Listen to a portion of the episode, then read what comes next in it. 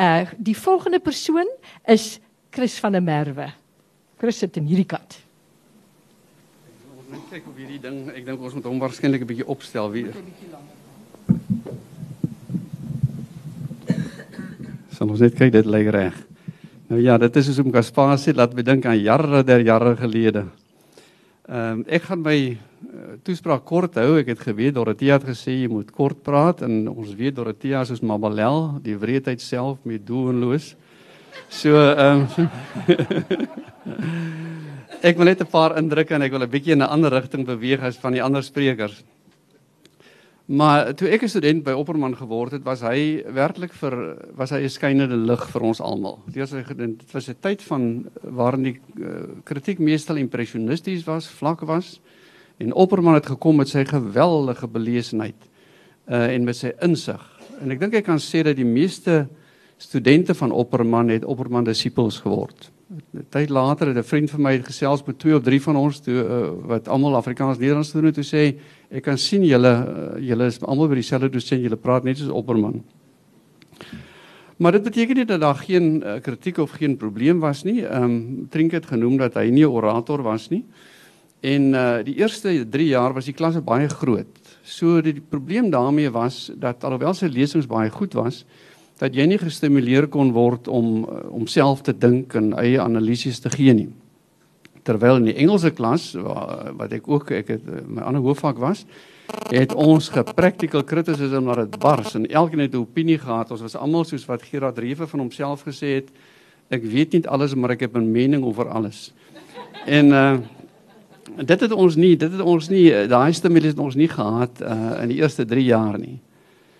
Maar die belangrikste jaar in al my studiejare was my honneursjaar. Want toe was ons 3 in die klas en toe het ons opperman van naby leer ken. En sy wonderlike waarde as as mentor en as dosent. Ehm um, in sy sy belesenheid en sy insig, maar ons het ook kans gehad om self uh ons bydrae te lewer en ons het geweldig baie van hom geleer. En die ding wat ek ook as ek nou terugkyk van hom waardeer, is hy het sy kennis oorgedra in samehangende gehele wat ons by Engels nie gekry het nie. Ek het nou nog steeds uh losse kennis van 'n klomp Engelse digters, maar Opperman het vir jou samehang gegee. Samehang in 'n skrywersfiguur, samehang in 'n tydperk. Hy het vir ons vertel van uh invloede wat uitgegaan het en van invloede wat ontvang is en jy het werklik die gevoel gehad dat dat Opperman vir jou sy kennis oordra in geordende gehele. En dit is iets wat my as dosent my hele lewe lank 'n soort model gewees het. Maar ek het gewaarsku ek gaan so 'n bietjie um in 'n ander rigting as waarskynlik die meeste ander sprekers. Ek gaan vertel van drie terloopse opmerkings wat Opperman gehad het en wat in my geheue bly vassteek het. En die van julle wat dosente is, moet weet, moenie sommer so onversigtig uh, terloopse opmerkings maak nie want die student vergeet al die groot dinge wat jy beklemtoon het en wat jy herhaal het en hulle onthou daai terloopse opmerkings. Nou ek wil nie sê dat ek ehm um, Opperman se uh, sentrale uh, uh, oordrag vergeet dit nie. Maar ek wil tog vertel van die drie terloopse opmerkings uh, wat wat ek nie kon vergeet nie. Die eerste was ek onthou in die oggend was het wie gelou het ehm um, 'n bespreking gehad in die burger oor Patrick White se roman Riders in the Chariot. En toe ons in die klas in die onheersklas te loop staan na verwys, toe sê Opperman, maar kyk, en ons het natuurlik een van Patrick White nog ons skaars van hom gehoor wat nog te sê van die Riders in the Chariot. Toe sê maar julle moet 'n lys maak van boeke wat julle wil lees en wat julle behoort te lees. As jy hom gelees het, dan streep jy hom deur want dit is 'n manier waarop jy waarop jy jou belesenheid uh, vermeerder. En ek het mooi pligsgetrou Patrick White Riders in the Chariot gaan neerskryf en baie lank daarna het ek eers opgemerk maar hierdie roman het ek nog nie gelees nie. Dit was een van die groot leeservarings in my lewe. So dit is die eerste terloopse ding wat Opperman het gesê het, maak 'n lysie van goed wat jy moet lees, anders gaan jy vergeet. En streep dit deur wanneer jy dit gelees het.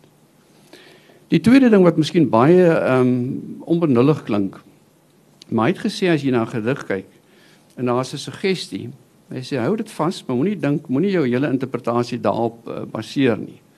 As daar 'n tweede suggestie in dieselfde rigting kom, dan dan is dit al 'n uh, sekerder teken.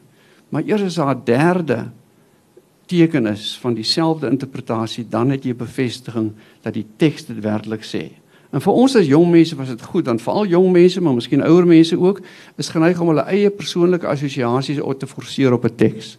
Maar Opperman het vir ons gesê, die die belangrike ding is die teks praat met jou, nie wat jy moet die teks praat nie. En kyk en en rubbe en en baseer jou interpretasie op dit wat werklik daar staan. Maar die derde bietjie vermaaklike ding is uh, wat ek vertel, die aand van ehm um, toe professor Erlang uh, afskeid geneem het, het, het professor Opperman hom gehuldig. En Opperman het toe genoem dat ehm um, hy het gepraat van die groot klomp mense wat oor Raka geskryf het van Wyk Lou se Raka. Hy sê maar Erlang was die enigste een, Doek Erlang was die enigste wat raak gesien het dat jy aan die einde aan die einde van Raka dan begin Raka uit die waterbakke te te drink. Nee, hy drink nie meer, hy suip nie meer water uit die gate nie. Hy begin nou water uit waterbakke te drink. Met ander woorde, hy het vir Kokie verower en verslaan, maar Kokie op 'n manier het teruggekom en iets van Raka begin al reeds verander. En toe het Opperman 'n ding gesê, het gesê dit wat Erlang gesien het, uit al daai ander klomp teks luise gemis.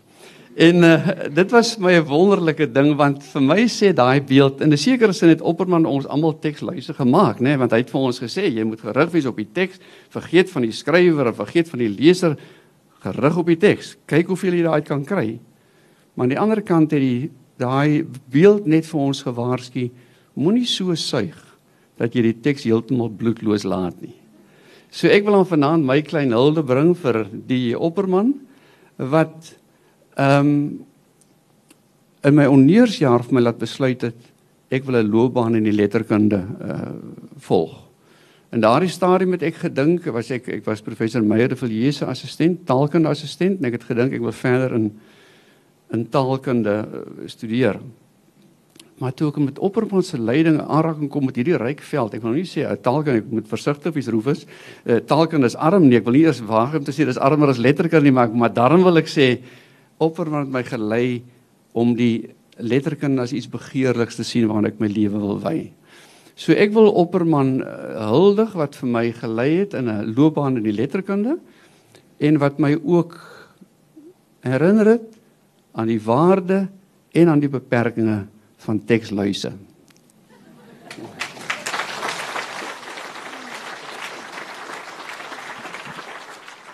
Baie dankie Chris. Ek moet sê dit is my aand van eerstes want ek is nog nooit wat wreed en wat genoem nie.